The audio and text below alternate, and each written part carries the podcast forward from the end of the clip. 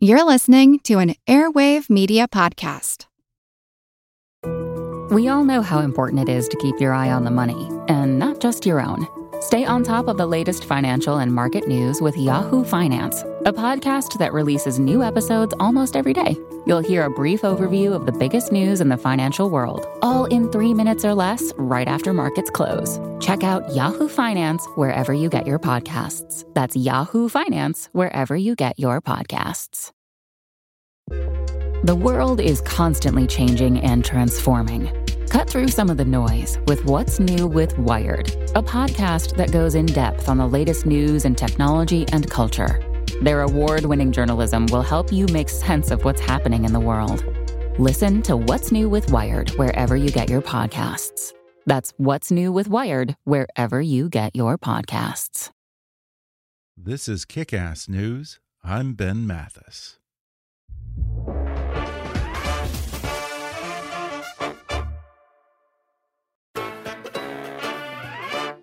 With over a hundred movies and two Academy Awards to his credit over six decades, Hollywood legend Michael Caine is one of our best loved actors. He's starred in a huge range of films, from the classic movies Alfie, Zulu, and The Italian Job, to the Hollywood blockbusting Dark Knight trilogy, Dirty Rotten Scoundrels, Hannah and Her Sisters, and The Cider House Rules. Michael Caine has excelled in every kind of role with a skill that makes it look easy. He knows what success takes because he's made it to the pinnacle of his profession from humble origins. But as he says, small parts can lead to big things, and if you keep doing things right, the stars will align when you least expect it. Now, in his 85th year, he wants to share everything he's learned in his new book, Blowing the Bloody Doors Off and Other Lessons in Life. And today he joins me over the phone to talk about the book and his remarkable career. He discusses why he never used to believe in taking advice from older movie stars, his humble beginnings in the working class projects of London known as the Elephant Castle, and how the 1960s changed everything and made it cool to be a young cockney in the movies. He shares how he learned discipline serving in the Korean War and why it's not just enough to be a good actor. As he says, you have to make reliability your brand. He talks about coming out of his self imposed retirement some 20 years ago and says he's getting better parts now than he did when he was a young leading man, and he has no plan to stop anytime soon. Plus, why John Wayne never wore suede shoes, John Huston on a director's most important job, doing Vegas with Frank Sinatra and the Rat Pack, and Michael Caine on who does the best impression of Michael Caine. All that and more coming up in just a moment.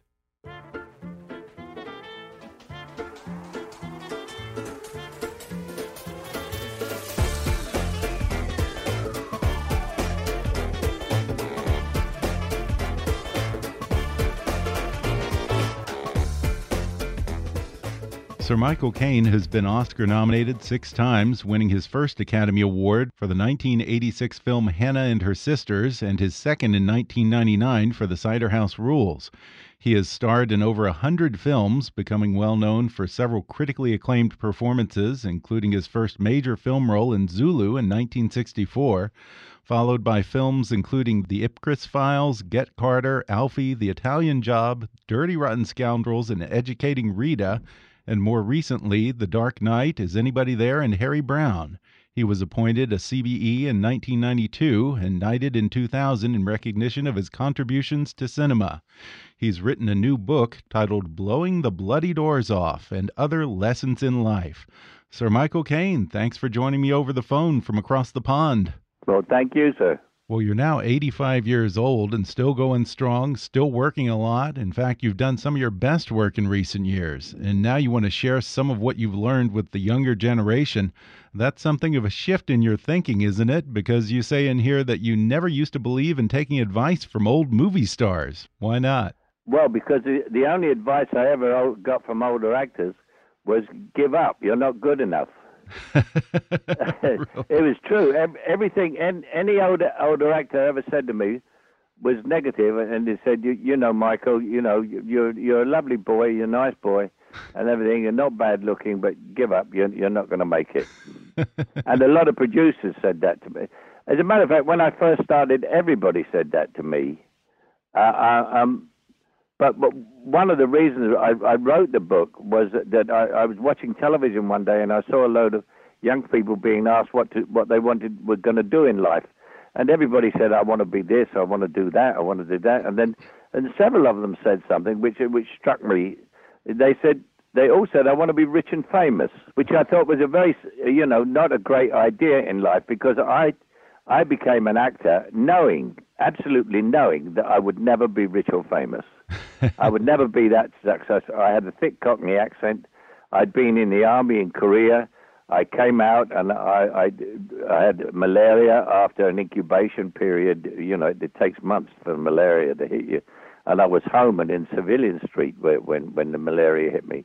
So here I was, skinny, pale, yellow, Cockney accent, not movie star material. and so I, I set out on a career just to be the best that I could possibly be with no reference to anybody else because uh, you, if you know, I knew there'd always be actors who were better than me, and there'd be actors who were worse than me.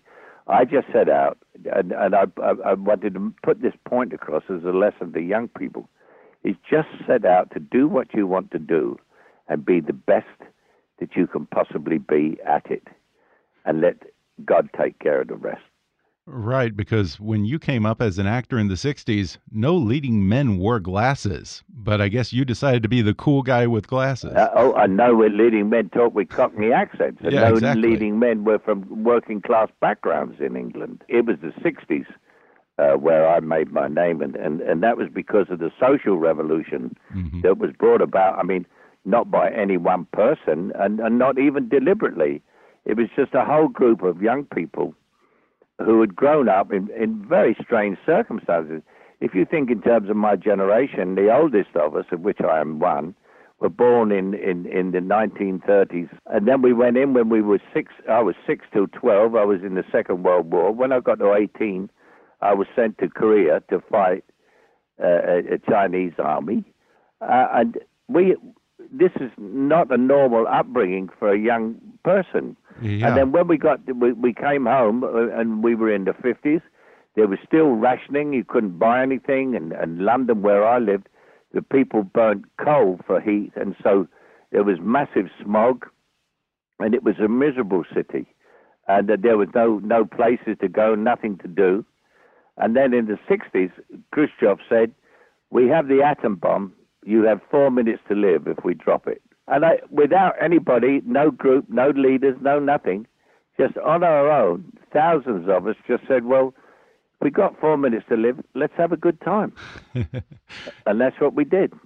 You start out the book with the advice that where you start out doesn't have to be where you end up. And you would know you grew up as a working class kid from the elephant or the projects, as we Yanks would call them.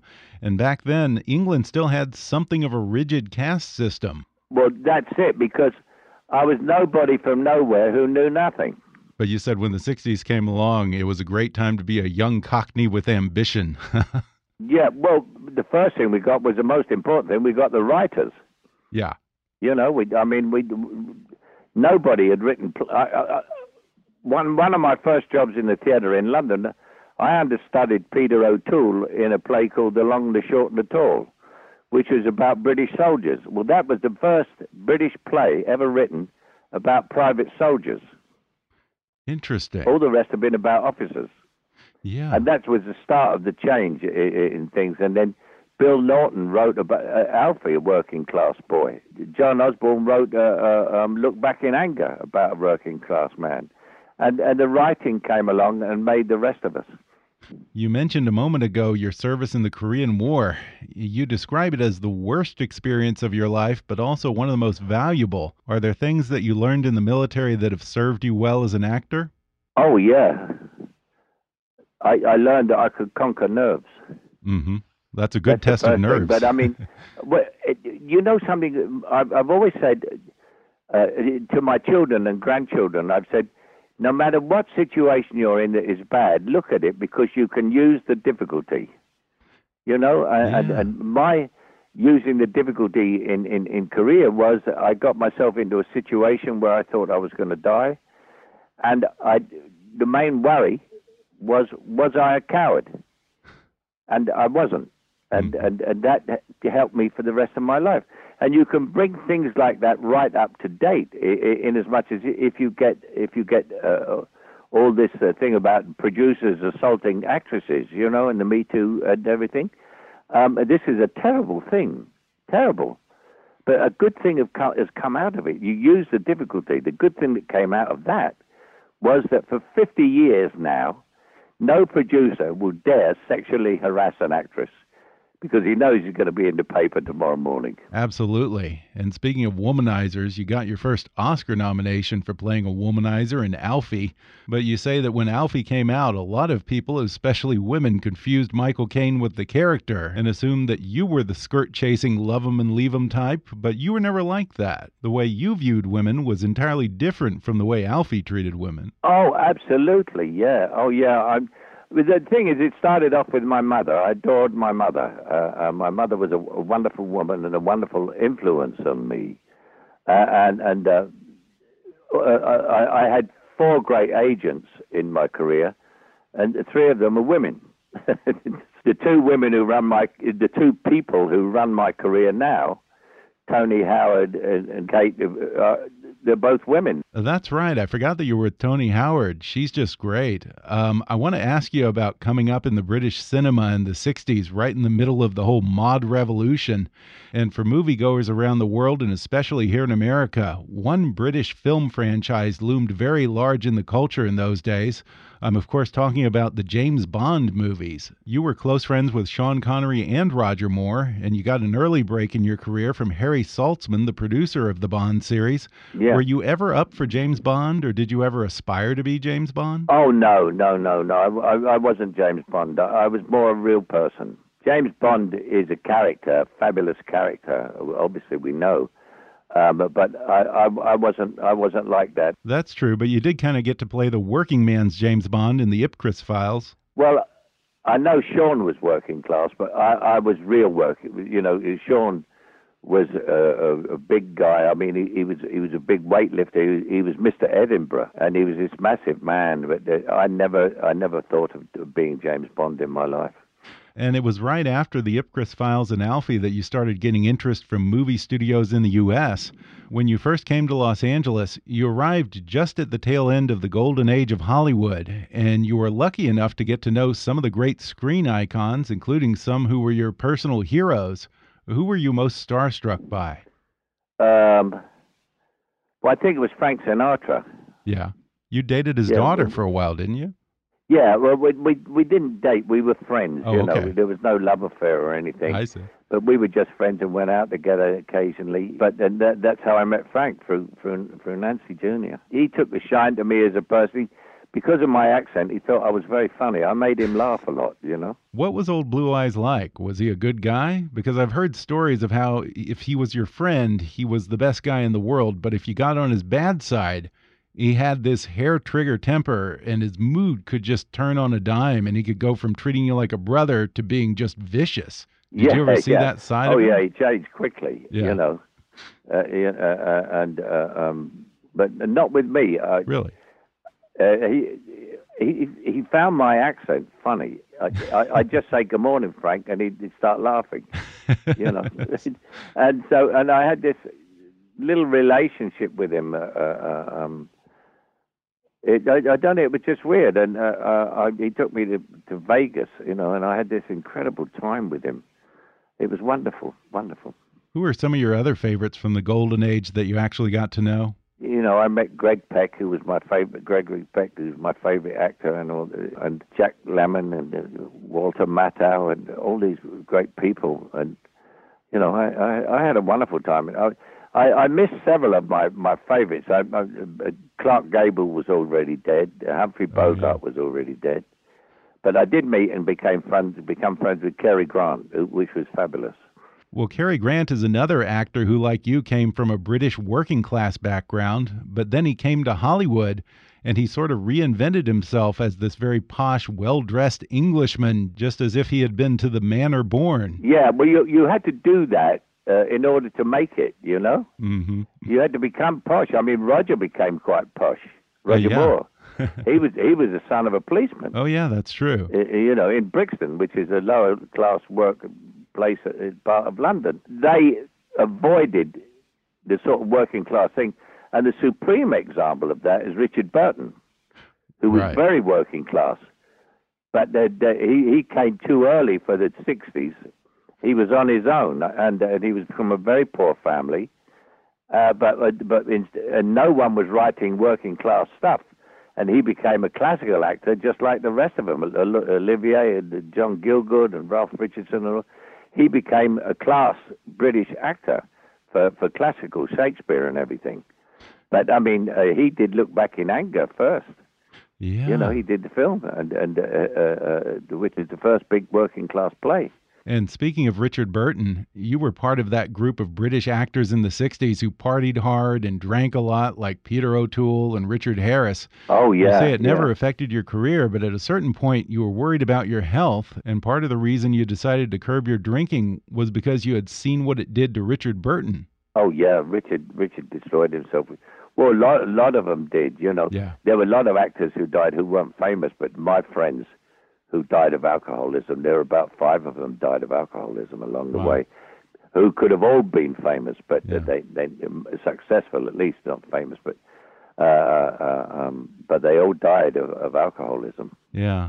And I also want to give credit to your wife, Shakira, who you say probably saved your life by getting you to moderate your drinking. That's a good woman. Oh, blimey, yes, yeah. I, I I met my wife 47 years ago, and uh, I was drinking. I wasn't.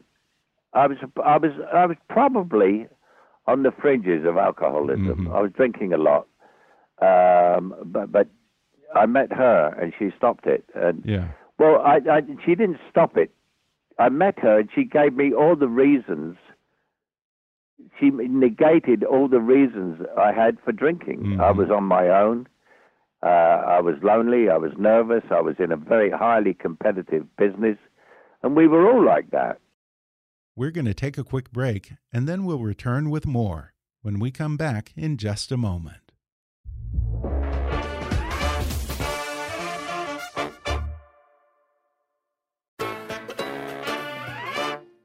You opened the book by recalling some advice you got when you first came to Los Angeles from a real Hollywood legend who started by making a hell of an entrance outside the Beverly Hills Hotel where you were staying at the time. Uh, do you know the story I'm talking about? Could you tell it?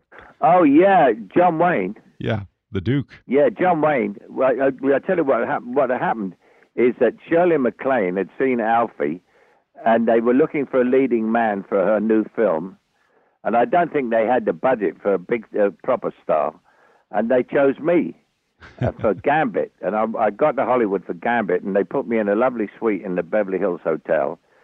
But then Shirley was late getting to Hollywood because the picture she was doing went over. And uh, so I was stuck in this Beverly Hills hotel luxury suite for a week without talking to anybody because nobody knew I was there, and I didn't know anybody who was there either. and so I used to go down in the lobby and, and, and look to see if I could see any film stars, and I saw loads of them, you know. And then one day, did, did John Wayne landed in a helicopter, and I was standing and, and I was sitting in, in the lobby, you know, because I was, I was what is John Wayne of all blimey, and, and I was all very impressed. And he was signing in. He was still in his cowboy uniform. He'd been shooting in, in somewhere, and he came in in the helicopter straight from the set because it was either the weekend or the end of the movie. I never found out that. But he suddenly saw me and he said to me, "What's your name, kid?" I said, "Michael Caine." He said, "Are you in that movie, Alfie?" I said, "Yeah." He said, "I saw that at my home." He said, "A couple of weeks ago, kid." He said, "You're going to be a big star." So I said, "Oh, thank you, sir." So he said, "Let me give you some advice." I said, "Okay." He said, "Talk low, talk slow, and don't say too fucking much." So I said, "Oh, thank you, sir." uh, and and then then he said, and and I had on suede shoes, and he said, "Never wear suede shoes." Why? I said, I said, "Why not?" He said, "Because as I just told you, you're going to be a movie star. I'm famous." He said, "You'll be in the toilet taking a piss." And a guy will come up next to you taking a piss, and he'll look and he'll recognize you, and he'll turn on you and say, "Michael Caine," and he'll piss all over your shoes. Good advice. so I never wore suede shoes again. now, you've also had the privilege of working with some very talented directors, including Woody Allen, Richard Attenborough, Brian De Palma, Sidney Lumet, Stanley Donen, Chris Nolan, and you did two movies with the great John Huston. What Yeah. was he like to work with? Did he give you much direction? Oh, he was fabulous. Uh, what I said, I said to him one day, I said, "What's the art of direction, Michael?" He said, "Casting." said, "If you cast it right, you don't have to do anything else. So you can have a rest." so I said, "It's like you and Sean. You know, you're British private soldiers. That's fine. And you and he have both been British private soldiers, and so that was it." He said, and then, then when I'm, um, I was working on the movie, and uh, I was doing this very long speech and I thought I was doing it very well. And he he, he shouted "cut" in the middle, and he stopped it, and I didn't know why he'd stopped it. I said, "Why'd you stop that?" And he just said he gave me advice about human beings. He said, "You can speak faster, Michael. He's an honest man." So I, oh, whenever anyone talks slowly, I worry about them. Yeah, that makes sense because a person who's not being honest has to think about what they're saying. But they've got they? to think about what they're going to say. Yeah, Yeah. yeah, exactly. So the faster the people speak, he said, uh, the, the the better it is. And then the other line he said, which which impressed me, uh, we would. He never gave me any direction, and, uh, and one day I said to him, John, I said, I said, you never give me any direction. He said, "You get paid a great deal of money to do this, Michael. You don't need to tell me to tell you what to do." and that was it. But I, I loved Yeah. John Huston. I thought he was a re- really, really great director. And you also worked with Otto Preminger, who I've heard was a notorious bully. How did you handle him? Um, I said to him one day because I knew he was a notorious bully. I said, Otto, please don't uh, bully me. He said, I said because I, I, I'm very sensitive. I'll burst into tears, and I'll run into my dressing room, and I won't come out all day. Know. and he said, Michael, he said, I would never shout at Alfie. He laid off of you. huh? He completely laid off of me, but Faye Dunaway got all the crap. She, he really got to go, Faye. I want to talk a little bit about your process. You've come to be known for having a certain economy to your acting style. You're not one for big showy gestures or loud performances. Is it hard to control the impulse to go big when you're acting? And take it easy because you're not playing an actor and you are not acting. hmm You are a real person, and people can see that you're. They're not sitting in an audience 20 feet away, 20 yards away from the stage. The camera is a, two feet away from your face, and if you're not a real person, they will see that. They don't want to see acting; they want to see reality, and that's that's what you do in a movie. I wonder, do you think that you learned this more economical acting style of yours as a product of the fact that you grew up looking up to the American film stars like Bogart and Brando, as opposed to the more theatrically trained British actors like, say, Olivier or Gielgud? That's right. Yeah, see, I never went to the theater. I went to the cinema. Yeah, and and also uh, a, a lucky thing from the '60s that happened was we all looked up on these uh, uh, Hollywood stars, you know, as great stars like uh, uh, like gods.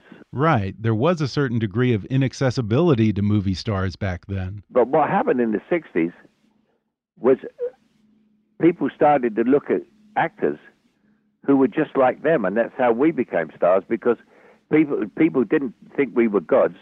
People thought we were them, which we were. Yeah, yeah, and you're a method actor, so you're always studying people, I'm right? a method actor. Yeah, I went to uh, uh, Joan Littlewood's theatre in Stratford, in, in England, which is a communist theatre, and it's Stanislavski and the Russians, you know. And and I, I learned a lot from her. But but she also fired me. oh, really? Why? Why? Because I, I was rehearsing a play, and and she said, "What do you think you're doing?" I said, well, I'm, I'm I'm rehearsing the play. I know all my lines. She said, "No, what are you doing? Well, what, why are you doing this?" I said, "What what what what?" What she said, "This is a group theater, Michael. You joined a group theater. We are a group." I said, "Well, what am I doing?" She said, "You're behaving and acting like a star." And in the end, she fired me. She said, "Piss off to Shaftesbury Avenue, which is where, like Broadway, you know." hmm uh, and she said I, I wasn't a real method actor working with the other actors. I was Really? being a star on my own. Was she right? But it worked out that way. yeah, I suppose so. but I didn't understand it. I didn't know what the hell she was talking about. Well, you yourself have a lot of good advice for actors in this book, Blowing the Bloody Doors Off. You tell aspiring actors to make reliability part of your personal brand. You take your work seriously, and you're very deliberate and disciplined about it, and that seems to have served you pretty well in your career. Oh yeah. Oh, you got to turn up and be there. Know the lines. You got to know the lines and respect your other actors. By way of example, could you walk us through your daily process on a film shoot? on a film shoot is I learn my, I keep learning my lines right up until we shoot, and then but I'm always relaxed on the set. Always, I, I get the whole set relaxed, and then you go into the character just before and stay there just before they, they say action. Your philosophy is the rehearsal is the work and the acting is the relaxation. Yeah, the shooting, the shooting of the scene is the, you're relaxed after doing all that work on rehearsals. Mhm. You know exactly what you're doing. You know all the lines, and now you can relax and Mhm. just do it. And always bring a pencil, huh? Yeah, always bring a pencil. You've always been an actor who works a lot. Even after you supposedly retired over 20 years ago, you've still done over 40 movies. Why? Is it as simple as the more movies you do, the better chance you have of getting good ones? Well, I I love doing it. I, I love I love acting. Mhm. You have to remember, I was an amateur actor. I did it just for the fun of it, uh, uh, and and and I I love doing it. And I I love movies. I love making movies. And and you know, I I thought I'd retired when I was sixty. And I I got a script from a producer, and I sent it back. I said the part's too small. He sent it back. He said you're not supposed to read the lover. You're supposed to read the father. and that was it's, I was sixty, and I retired and I wrote my autobiography. I went to Miami. I bought an apartment for the for the winter, and I opened a restaurant which was very successful. And and I just stayed in Miami, and I wrote my autobiography, which is called the, uh, the the Elephant to Hollywood, based on the fact that I come from a district in London called the Elephant and Castle. And so I, I wrote that, and I'd retired, uh, you know, and I would uh, uh, um, I had plenty of money in the bank, and I, I, the restaurant was making money, and then I became Jack Nicholson lived there, and we became friends. And then one day he, he came to me with a script called Blood and Wine. He said, "You want to go to work again?" There's a, it's not the starring part. Obviously, he was the star, and he was fabulous actor. I loved him. And uh, uh, uh, he said, "There's a wonderful part in it for you." And I, I got this part, which wasn't the starring role, and uh, that's how I became uh, a character actor in movies.